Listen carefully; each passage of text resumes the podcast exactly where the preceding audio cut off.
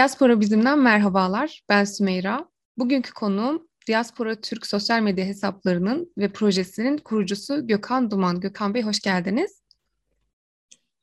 Teşekkür ederim. Hoş bulduk Sümeyra Hanım.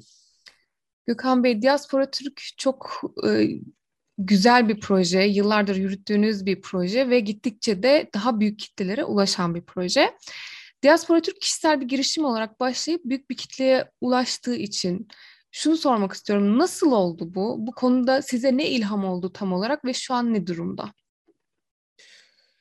Çok teşekkür ederim güzel sözleriniz için öncelikle. E, Diaspora Türk e, 10. yılına doğru ilerliyor. E, açıkçası biz de çok memnunuz e, bugün ulaştığı noktada. E, bizden kastım e, ekipte bulunan e, diğer arkadaşlarım. E, açıkçası benim e, kişisel ilgim diaspora çalışmalarına, e, göç hikayelerine, işte ötekinin hikayesi ve işte hayali mekanlar gibi alanlara yönelik ilgim bir yüksek lisans dersiyle başladı diyebilirim. Orada karşılaştırmalı diaspora analizleri e, dersinde bu konular çok ilgimi çekmeye başladı açıkçası. O dönem e, biraz da böyle göçü bilen, çalışan, e, göçmen çocuğu diyebileceğimiz arkadaşlarımızın da çevremizde olmasıyla e, biraz böyle eleştirel bir yaklaşımla yani bu kadar büyük bir göç hikayesi daha çok anlatılamaz mı? E, bu hikayeler, e, anekdotlar e, ortaya çıkarılamaz mı? Kültür sanat faaliyetleri biraz daha genişletilemez mi diye konuştuğumuzu hatırlıyorum açıkçası. Ama asıl e, bize ilham olan biraz sosyal medyanın o dönemlerde ortaya çıkması, çok hızlı bir şekilde yayılması ve hayatımıza girmesi oldu diyebiliriz. Çünkü sosyal medyanın kelebek etkisiyle biraz da e, Diaspora Türk'ün önü açılmış oldu açıkçası. E, ve e, çok hızlı bir şekilde de karşılık buldu. Buna bunu beklemiyordum ben de e, bunu söyleyebilirim. Bu alanla ilgili özellikle ilk nesillerin hikayelerine yönelmiştik biz ve onların torunları, çocukları diyebileceğimiz insanlardan bize hikayeler, fotoğraflar hızlıca gelmeye başladı. Biz esasında bir köprü görevi gördük diyebilirim bu manada e, başlangıcı böyle oldu diye e, bitireyim. Evet, Diaspora Türk sosyal medya girişimi olarak başladı söylediğiniz gibi ve bu gerçek yaşam hikayelerinden ilhamla kitaplara, sergilere, farklı şeylere dönüştü, daha büyük projelere dönüştü. Peki sizce bu projeyle tarihe nasıl bir not düştünüz? Sonuçta bir hikaye iyi topladınız. Büyük bir hikaye, diaspora hikayesini topladınız ve bunu insanlara sunuyorsunuz. Sizce bu tarihte nasıl bir yere sahip şu an?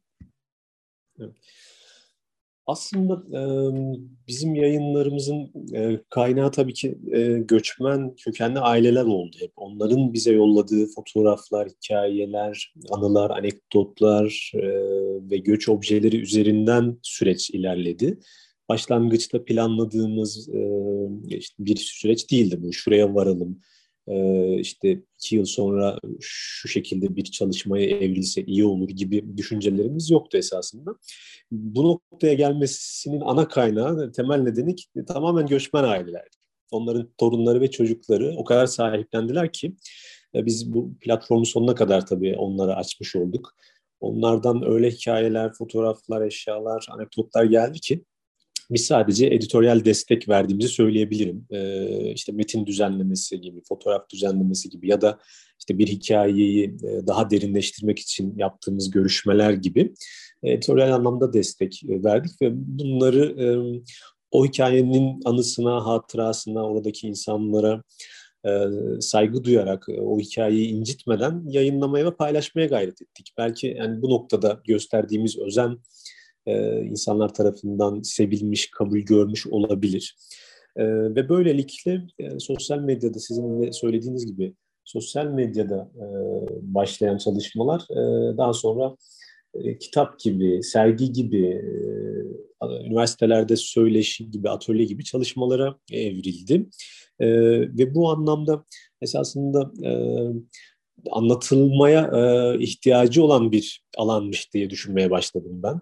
Ee, çok kıymetli bununla ilgili yapılmış tabii ki akademik çalışmalar, E, edebiyatta, e, sinemada, müzikte çok kıymetli çalışmalar var. E, biz belki e, arada aracı olmadan doğrudan anlatabilmeye olanak sağlamış olabiliriz. Biraz da sesli düşünüyorum. E, çünkü ailelerle direkt bağ kurabildiğimiz ve iletişim sağlayabildiğimiz için arada başka kimse olmadan hikayeleri, anıları, hatıraları doğrudan anlatıyor olabilmek belki şimdiye kadar e, bilinmeyen, e, böyle paragraf aralarında kalmış, tozlu raflarda kalmış, aa öyle miydi, böyle miydi? diyebileceğimiz yeni bilgilerin ortaya çıkmasını e, sağlamıştır ve zamanla da böyle e, daha çok bilindikçe bir e, başvuru noktası gibi de olmuş oldu. İşte arkadaşım da gördüm, benim dedem de orada çalışıyordu, biz de gönderebilir miyiz?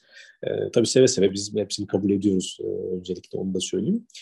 Zamanla buna evrildi açıkçası ve bu dönüşümden de çok mutluyuz, çok memnunuz. Bu hikayeler insanları birbirine yaklaştırıyor, anlamayı ve anlaşmayı, anlaşmayı teşvik ediyor. Bu noktada Diaspora Türk az önce de söylediniz bir köprü görevi üstleniyor elbette ve insanlar dediğiniz gibi doğrudan bir muhatap noktası bulmuş oldu bu vesileyle. Yani hiçbir aracı olmadan doğrudan size kişisel hikayelerini anlatabiliyor ve muhtemelen birçok insan bu hikayelerde de kendini buluyor. Yani başkasının hikayesinde kendini buluyor. Çünkü hepsi birbirinden farklı olmakla beraber çok da benzeşen hikayeler aynı zamanda. Bu noktada diaspora Türk Türkiye ve diaspora arasında sizce başka hangi rolleri üstleniyor? Evet. Çok teşekkür ederim yorumunuz için. E, açıkçası ben de e, bu şekilde düşünüyorum. Özellikle son yıllarda biraz daha biz Instagram'a ağırlık vermeye başladık. Daha uzun hikayeler, daha fazla fotoğraf yayınlayabildiğimiz tek post içerisinde bir alanı olması nedeniyle biraz daha oraya dönüştürdük. Biraz da bunda tabii şunu da itiraf etmekte fayda var. Twitter daha politik bir alan olmaya başladığı için Instagram'da o hikayelerin anısına, duygusuna daha fazla eğilindiğini düşünüyorum açıkçası ya da saygı duyulduğunu düşündüğümüzden biraz daha oraya ağırlık verdik. Orada şunu da gördüm. Gerçekten bir hikayenin altına baktığımızda hem o hikayeyi gönderen kişinin e, hem de eğer varsa aynı şehirde yaşamış, aynı kasabada yaşamış, aynı fabrikada yaşamış o insanlarla uzun uzun sohbet ettiklerini, anılarını paylaştıklarını, benim dedem de o fabrikada çalışmıştı, e, benim babam da o yıllarda bu yollardan geçmişti diyerek e, tanıştıklarını, arkadaş olduklarını hatta e, yıllardır görüşmeyen insanların orada buluştuklarına da şahit oldum. Bunun mutluluğu da ayrı bir mutluluk açıkçası. Onun böyle bir dönüşüm olması, bir alışverişe dönüşmesi. Bunun çok farklı çıktıları da oluyor. Özellikle e, akademiyle çok e, yakınız. Biz yüksek lisans ve doktora öğrencileriyle çok yakın e, çalışmalarımız oluyor. Çünkü kaynağa ulaşma noktasında e, bizden işte e, destek istediklerinde biz o hikaye sahipleri, işte fotoğraflar, anılar, anekdotları onları ulaştırmaya gayret ediyoruz. Onlar da bu postların altından e, insanlara doğrudan ulaşma imkanı buluyorlar. İşte ben bu dönemi araştırıyordum. Acaba sizinle bir mülakat yapabilir miyiz? Ya da Ford fabrikasında bu yıllarda çalışanlar e, var mı? Onlarla konuşabilir miyiz gibi e, bir alana e, dönüştü. E, sorunuza gelecek olursam, e, ben açıkçası şu e, şunu söyleyebilirim. Özellikle e, popüler kültür malzemesi yapılan bir tarafı da var Almanya'ya göçün. E, sinemada bunu görebiliriz. E, çok güzel, tabii ki e, değerli filmlerimiz de var. Ama orada filmlerin Yeşilçam'a baktığımızda bir klişe, bir tırnak içerisinde bir gurbetçi klişesi var. Abartı giyinen, abartı konuşan, yarı Almanca, yarı Türkçe ile tırnak içerisinde söylüyorum bütün bunları. E, cahil, kaba, e, gözü açık, uyanık. Şimdi şey düşünelim, Kemal Sunal'ı çok severiz hepimiz tabii. E, Allah rahmet eylesin, başımızın üstünde yeri var. Onun bir filmini hatırlıyorum mesela. Hani Türkiye'ye gelip soyadı Yıldız olan bütün köydeki çocukları üzerine kaydettirip 14-15 e, çocuk için e, Almanya'da çocuk parası alan bir tipleme ve bunu e, başarı bir maharetmiş gibi sunulduğu bir tipleme var. Yine 70'li yılların, 80'li yılların gazetelerine baktığımızda yurt dışındaki insanlarımızla ilgili yazı dizilerinde çok net kullanabileceğim bir tabirle abartı üzerinden kurulmuş bir kurgu görürsünüz. Ee, işte ağızlarını şapırdatarak yemek yemelerinden tutun da işte e, Almanlarla olan ilişkilerine varıncaya kadar hep bir kabalık üzerinden e, ve abartma üzerinden tanımlamalar görürsünüz. Bu esasında e, hem popüler kültüre malzeme edildiklerinde hem de ülkemizde çok da e, yurt dışındaki insanlarımızın çok da tanınmadığını e, o yılları kastediyorum özellikle. Düşüncesini ben de uyandırdı. Şimdi aklıma bir e, hatırat geliyor. E, Doğu Almanya, Batı Almanya zamanında bizim e, elçilikler Berlin'de değildi, daha Bonn şehrindeydi. Oradaki büyükelçimiz Sacit Somel'in bir hatırası var. E, diyor ki göçmen işçilerin çalıştığı bir fabrikadan davet aldık. Tabii o dönem yalnızca Almanya'da Türkler yoktu. Yunanlar, Yugoslavlar, İtalyan, Portekiz, İspanyol işçiler vardı. Sonrasından e, Vietnam'dan, Fas'tan da işçiler geldi. E, göçmen işçilerin çalıştığı bir fabrikada davet aldık ve e, fabrikayı büyükelçiler olarak ziyarete gittik. Gerçekten de e, fabrika şunu göstermeye çalışıyor. Bakın hani biz göçmen işçileri burada çalıştırıyoruz ama onların buradaki e, e, çalışma şartları da bizim açımızdan olabildiğince en iyi şekilde düzenleniyor. Gelip siz de gözlerinizle görün demeye getiriyorlar. E, girişten itibaren işte 5-6 dilli uyarı tabelaları, e, herkesin kendi inancına göre yemek yiyebileceği alanlar, e, ibadethaneler gibi çeşitli imkanlar da var. E, Büyükelçimiz soyunma odasında bir şey fark ediyor işçilerin giyinme ve soyunma odasında bir uyarı tabelası işte başkasının eşyasını izinsiz almak Alman yasalarına göre suçtur gibi bir uyarı tabelası ve bu uyarı tabelasının Türkçe dilinde olmadığını fark ediyor. Oradaki şefe sorduğumda da şöyle bir ifade cevap alıyor. E, bu uyarının Türkler için e, gerekli olmadığını düşündük diyor. Şimdi e, bu tabii bizler açısından hani gurur verici bir e, tarihi konu ama tabii diğer insanları da rencide etmeden bunu ele almak lazım. O sadece hani fabrikanın bir uygulaması, doğrusu yanlışı tartışılır. Onu bir kenara bırakıyorum. Ama şunu sorgulamak lazım. O yıllarda Almanya'daki işverenler, insanlar nezdinde bizim işçilerimizin, insanlarımızın algısı böyleyse, aynı yıllarda Türkiye'de Yeşilçam'da, edebiyatta, müzikte de bunu katıyorum. Müzikte de gerçekten çok abartı üzerinden e, şarkı ve şarkıların olduğu bir dönem. Bunları da belki ayrı bir programda konuşmak lazım. Peki buradakiler kimdi o zaman? Yani hangisi gerçekti? Burada bir abartı üzerinden tanımladığımız tırnak içerisindeki e, kaba saba gurbetçi tiplemesi mi gerçekti yoksa az önce bir büyükelçimizin anlattığı yine e, Federal Almanya İstatistik Ofislerinde çalışma bürosunun raporlarında geçen e, işçilerimizle ilgili o e, ifadeleri, ibareleri e, mi düşünmek lazım? Hangisi gerçekti? Bu tabii e, zamanla e, aslında şu yani bu yayınlar belki şuna vesile olmuş olabilir. Biz zaman zaman bunları yayınladığımızda ya böyle olduğunu bilmiyordum. Gerçekten böyle miydi? Ee, işte bu söylediğinizi anlattığınıza yönelik kaynakları bize de yollar mısınız? Biz de biraz daha derinlemesine bakmak istiyoruz gibi. Dolayısıyla hani e, kendi evreninde belki e, o yıllardaki insanlarımızın e, Türkiye'de yani diasporadaki insanlarımızın o yıllardaki algısını, durumunu daha iyi anlamamıza da vesile oluyor olabiliriz. Bu sadece benim kişisel yorumum. Evet değindiğiniz nokta çok önemli. Diaspora çok dönüştü zaman içinde. Dolayısıyla insanlar da dönüştü. Hatta orada ayrı bir kültür oluştu bile diyebiliriz. Ama bilinmediği, tanınmadığı için ön yargılar ve klişeler hala birçok açıdan çok fazla besleniyor. Dolayısıyla bugün anlamak ve anlaşılmak için bu hikayelerin daha fazla altını çizmek gerekiyor. Bu yönüyle Diaspora Türk çok kıymetli. Peki bundan sonra nasıl devam edeceksiniz? Yeni projeleriniz var mı? Yeni çalışmalarınız? Teşekkür ederim. Aslında biz e, gönüllü bir topluluk olduğumuz için e, çalışmalarımız genelde hani, paydaşlarla olan ilişkilerimiz üzerinden e, yürüyor ve e, birlikte bir şey yapabileceğimize inandığımız e, topluluklarla, gruplarla çalışmaktan da mutlu oluyoruz. Bu yeri geldiğinde bir müze olabiliyor, e, kimi zaman bir üniversite olabiliyor. E, onlar e, bir program yapmış oluyor ya da bizi de davet etmiş, dahil etmiş oluyorlar ve biz de böylece ya biz burada yer alabiliriz, bir faydamız olacağına evet biz de inanıyoruz diye düşündüğümüz projelerde, programlarda yer almayı çok istiyoruz. Şimdiye kadar yurt içinde ve yurt dışında sergilerimiz oldu. 5-6 civarı 6 oldu sergilerimiz oldu. Yine işte iki tane kitabımız yayınlandı şimdi belki üçüncüsü gelecek. Ekipten arkadaşlarımızın kendi kişisel çalışmaları, araştırmaları oluyor. Özellikle yine akademiyle çok yakınız bu konularda. Yüksek lisans ve doktoracı arkadaşlarımıza hem yurt içinde hem yurt dışında sürekli bir kaynak desteği sağlamaya gayret ediyoruz elimizden geldiği ölçüde. E, tabii e, gönül istiyor ki biraz daha böyle e, kalıcı çalışmalara da işte imza atalım. Kitap mesela bir kalıcı hikayedir. Belki zaman içerisinde e, ekranda ya da beyaz perdede izleyeceğimiz bir şeyin de parçası olmak açıkçası bizi mutlu eder. Yani öyle çok büyük büyük hayallerimiz yok ama e, bu anlamda birlikte ortak çalışabileceğimizi düşündüğümüz, inandığımız herkesle de kapımız açık. Şimdiye kadarki çalışmalarımızda genel olarak hep bu şekilde ilerledi.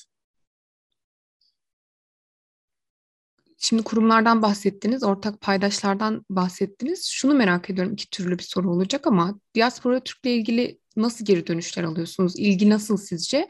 Beklediğiniz karşılığı buluyor mu hem kişiler hem de kurumlar nezdinde? Çok teşekkür ederim. Beklediğimizi tabii ki karşılığını buluyor. Her şeyden önce insanın doğasında vardır. Hani yaptığınız bir işi ortaya koyduktan sonra onunla ilgili olumlu olumsuz eleştiriler almak e, beğenilmek ya da olumsuz eleştirilerden bir ders çıkarıp daha iyiye ulaşmak. Biz o anlamda mutluyuz açıkçası. E, çerçevemizi çok iyi çizdiğimizi düşünüyoruz. E, kalmak istediğimiz alanı çok iyi belirlediğimizi düşünüyoruz ve genelde de bu alanın içerisinde kalmaya gayret ediyoruz. Zaman zaman bize biraz daha işte günümüze yakın hikayeleri de ele alsanız, onları da yayınlasanız diye öneriler geliyor, olumlu, olumsuz eleştiriler geliyor bununla ilgili. O anlamda da aslında biz açık olduğumuzu bildiriyoruz. Yani bize yayınladığımız yeni nesilden arkadaşlarımızın hikayeleri de var sayfalarımızda. Onlar da bize ulaştırıyorlar. Ama yoğunlukla tabii ilk nesil, ikinci nesil, 60, 70, 80'li, 90'ları da katayım hadi buna. O yıllardaki e, hikayeler, anılar, göçün dönüşümü, nereden nereye geldik, hayali vatan, hayali mekan, anahtar çocuklar, bavul çocuklar, geride kalanlar, gidenler gibi e, konuları çok seviyoruz. E, bu alanda kalmaya devam ediyoruz ve bununla ilgili de genelde e, yapmış olduğumuz çalışmalarla ilgili olumlu geri dönüşler geliyor bize. Mutluyuz o anlamda. Belki önümüzdeki e, hani bir önceki sorunun da devamı gibi e, oldu bu cevap. Önümüzdeki dönemde biraz daha e, işte dördüncü nesilden artık bahsediyoruz. Onların da hayatına dokunan belki işte e, başarı hikayeleri gibi, örnek hikayeler gibi onları da anlattığımız e, bir süreçte olabilir. O anlamda paydaşlardan e, kastım daha çok işte üniversiteler, e, üniversitelerin sosyoloji bölümleri, göç araştırmasına yönelik çalışma yapan enstitüler gibi yurt içinde ve yurt dışında onlarla e, yakın çalışıyoruz. O, anlam, o anlamda da mutluyuz açıkçası bir parçası olmaktan. Bu sene 60. yıl e, biliyorsunuz. E, gerçekten e, hem Almanya'da hem Türkiye'de çeşitli ülkelerde de 50. E, yıla kıyasla çok fazla dokümantasyonun üretildiği, çok fazla programın yapıldığı bir dönem oldu. Ben bu kadar ilgi göreceğini beklemiyordum bu yılın. 60. yıl gerçekten dolu dolu geçti. çok da güzel bilgiler edindik, çok güzel sergiler açıldı, işte söyleşiler, programlar yapıldı. Birçoğunu takip etmeye çalıştık e, bu konunun gündemde olması, işte göç, diaspora, siz de takdir edersiniz yani bundan 5 yıl önce belki bir diaspora kavramını bile kullanırken çekinirdik yani. E, hala hani Türkiye kamuoyunda belki hala üzerinde soru işaretleri var ama o zaman daha katı bir tutum içerisindeydi. Yani işte kimin diaspora olduğu, kime diaspora denir, biz diaspora mıyız gibi e, sorular çoktu. Şimdi bakıyorum mesela günlük hayatta, medyada, akademide, işte siyaset kurumunda, e, öğrenciler arasında diyeyim artık böyle e, rahatlıkla kullanılan da bir e, kavrama dönüştü. E, biz de bu alanda bulunmaya, e, bu alanda ilgili çalışmalar yapmaya devam etmekten mutluyuz ve devam edeceğimizi düşünüyorum açıkçası. Evet değindiğiniz noktaya ben de katılıyorum. Kesinlikle 60. yıl çok dolu dolu ve güzel geçiyor. Hala da devam ediyor birçok program. Ben de severek ve ilgiyle takip ediyorum. Diaspora Türkiye dönecek olursak kişisel arşiv meselesi çok öne çıkıyor bu bağlamda bu projede. Günlükler, nesilden nesile aktarılan hatıralar, aile büyükleriyle onların yaşamına dair sohbetler. Bunlar olduğu için şu an derli toplu olarak bir platformda sunma imkanı oldu ve çok da güzel oldu kesinlikle. Çünkü çok dağınıktı ve e, gerçekten böyle ele tutulur hiçbir şey yoktu. Herkesin kendine göre bir hikayesi var ama sunabildiği bir platform yoktu. Diaspora Türk'le bu mümkün olmuş oldu. Bu konuda ne söylemek istersiniz? İnsanlara nasıl bir çağrıda bulunmak istersiniz? Kişisel arşivleriyle, hikayeleriyle ilgili veya bu konuda materyaller de eminim vardır. Evet, başta da söylediğim gibi e, bizim yaşadığımız bu süreç başından bugün geldiğimiz noktaya tamamen göçmen ailelerin, onların çocuklarının, torunlarının ilgisi ve alakasıyla oldu. Yani bu kesinlikle onlara ait bir platform diyebilirim. Biz sadece bunun taşıyıcısıyız, köprüsüyüz bu kadar onlar sahip çıkmasaydı, bize samimiyetle e, güvenerek onlara aktarmasalardı e, bu noktaya gelinmezdi. Yani şunu mesela herkes buna aynı cevabı vermeyebilir. Bir insan annesi, babası, e, kardeşleriyle işte mutfakta ya da oturma odasında, salonda her neyse yemek yerken ki bir fotoğrafını ya da ev hali bir fotoğrafını hikayesiyle birlikte sosyal medyada binlerce kişinin görmesini arzu eder mi? Buna mesela herkes evet cevabını vermeyebilir ama bizim e, orada yakaladığımız e, bir frekans bize bunu e, olumlu şekilde dönüşünü sağladı. E, biz bu fotoğrafı ve hikayeyi arkadaşlara teslim edersek yani gönderirsek bunun en iyi şekilde yayınlanacağını e, düşünüyoruz, inanıyoruz gibi bir e, ön kabul oldu bana sorarsanız. E, çünkü bu süreçte e, biz hikaye geldikten sonra geldiği gibi e, yayınlamıyoruz. Onun bir süreci oluyor açıkçası. Bir arkadaşımız e, editasyondan geçiriyor, tekrar e, sorular soruyor. İşte şehir bilgisi, yıl bilgisi gibi, babasının annesinin çalıştığı fabrika gibi bazı işte teyitlere muhtaç olduğumuz zamanlar oluyor. Onları teyitleşiyoruz. Hangi döneme denk gelmiş? Diyelim ki e, işte babam şu yılda işten çıkarılmıştı dediğinde aslında o yıl neden işten çıkarıldığını işte e, diyelim ki 1967 yılında çıkarılmış olsun. Çok erken bir yıl ama o yıl otomotiv sektöründe bir krizin olduğunu biliyorsanız hikayenin içine bunu da ekleyebiliyorsunuz. Dolayısıyla arka planda da bir emek işliyor. Ee, tabii öyle olunca da bu lezzeti daha iyi alabiliyoruz bence hikayenin tadını alabiliyoruz.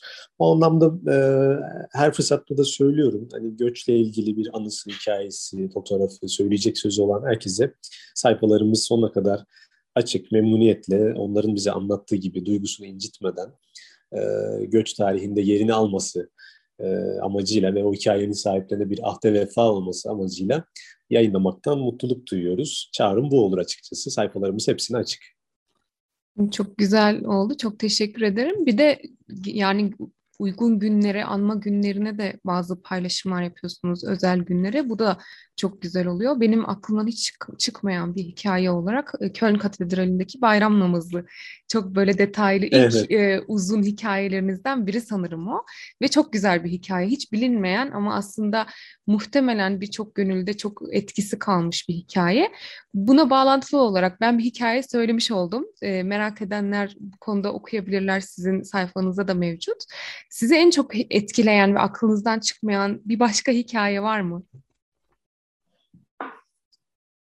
Çok zor bir soru öncelikle. Gerçekten çok çok sevdiğim çok fazla hikaye var. İşte Dom Katedrali e, benim de e, ilk 10 listeme girer mutlaka. Yine e, Ford fabrikasındaki bir Ramazan bayramı anısı başkaca aklımda kalan hatıralardan biri. Ford grevi gibi. Gerçekten 60 yıllık süreçte çok fazla hikaye var. Çok fazla insanın aynı anda, aynı gün, aynı yerde bulunması itibariyle birlikte paylaştığı çok ortak hikaye var. İşte bunlar aslında ortak hafızanın şekillenmesi, ortak hafızanın oluşmasına da vesile oluyor.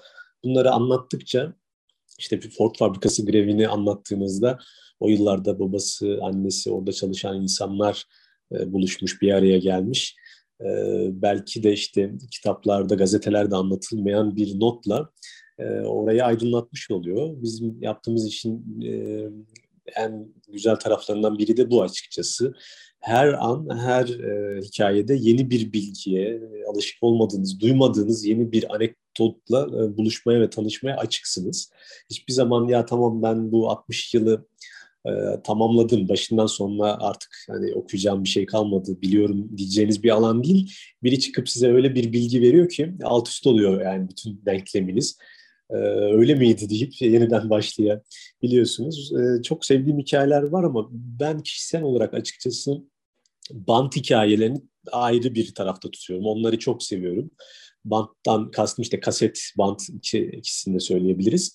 Ee, ilk yıllarda giden işçilerimiz, insanlarımız tabii o yıl dünyanın hemen e, her ülkesinde bu geçerliydi. Mektup yoluyla, e, telgraf yoluyla haberleşme imkanları vardı ve 1972 yılında e, Hollandalı bir mühendisin, Philips'te çalışan Hollandalı bir mühendisin kaseti icat etmesiyle birlikte mektupta e, çok radikal bir dönüşüme uğradı.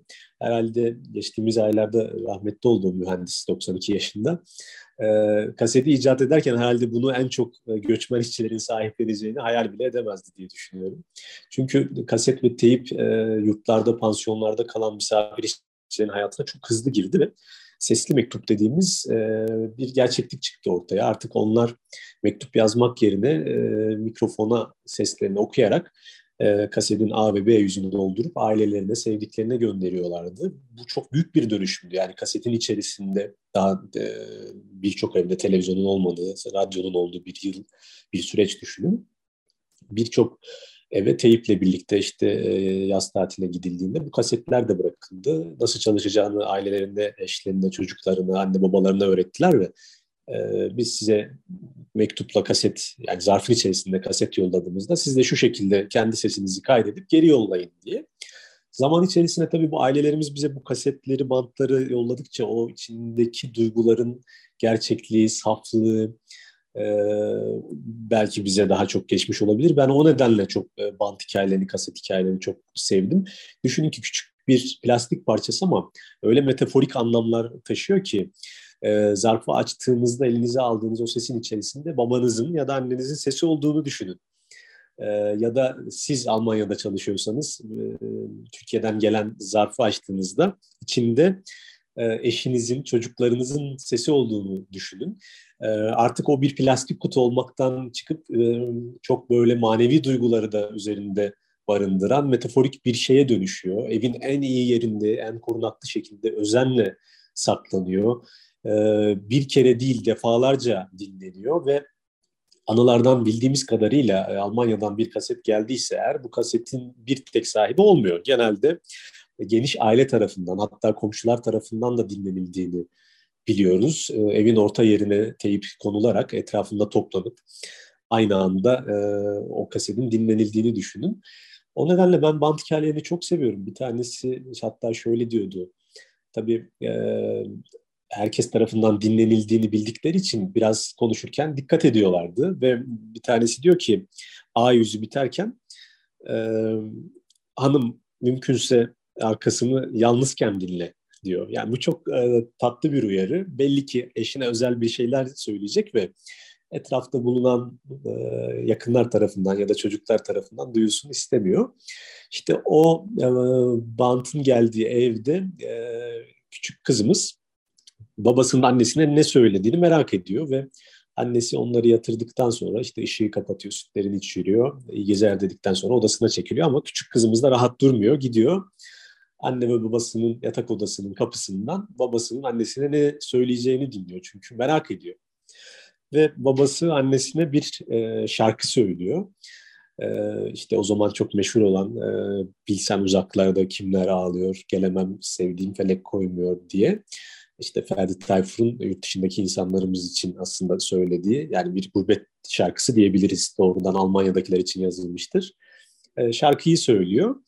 E, annesine e, işte ifade edemediği bazı duygularını bu şarkı yoluyla aktarıyor. O nedenle e, bant hikayelerini ben çok seviyorum. Yine ilk dönemde bant gelen bir ilk nesilden e, büyüğümüz e, eşi diyor ki yani bantın arka yüzünü A yüzünü ben doldurdum. B yüzünde de sen konuş geri bana gönder diyor ama onun e, sesinin üzerine bir ses çekmesini e, istemiyor, kıyamıyor ve kasetin kendinde kalmasını istiyor. Kasede sesini çekmeyip mektupla geri cevap veriyor. Hani kıyamadım diye. O nedenle ben e, açıkçası bu 60 yıllık süreçte birçok hikayeyi ayrı, seviyorum. Hepsinin e, yeri ayrıdır. E, sınıflandırabiliriz işte bunları. Ama band hikayelerine hep ayrıca bir e, ilgim olmuştur. Sevmişimdir açıkçası. O e, çekirdek aile içerisindeki duyguların taşıyıcısı olduğu için, o saf duyguları ilk elden taşıdığı için belki de. Çok güzel bir anekdot anlattınız. Çok güzel bir hikayeydi. Teşekkür ederim. Son olarak siz bu bant hikayelerinden bahsedince şöyle bir şey aklıma geldi. Türkiye'nin bir diaspora göç müzesi olmalı mı veya olabilir mi? Bunun için yeterli materyal ve arşiv var mı? Ve Diaspora Türk böyle bir projeye öncülük yapmak ister mi? Kesinlikle var. Önce onu cevabını verebilirim. Yani bir değil birden fazla müze açılacak kadar, istenildiği kadar malzeme, materyal, arşiv çok fazla var. Bu konuda biz de aslında müzeleri biz hep oturduğumuzda, sohbet ettiğimizde konu bir şekilde zaman zaman buraya da geliyor. Neden hala bir göç ve diaspora müzemiz yok şeklinde. Almanya'da var bunu biliyoruz. Başka ülkelerde de Hollanda'da olduğunu biliyoruz, Danimarka'da olduğunu biliyoruz.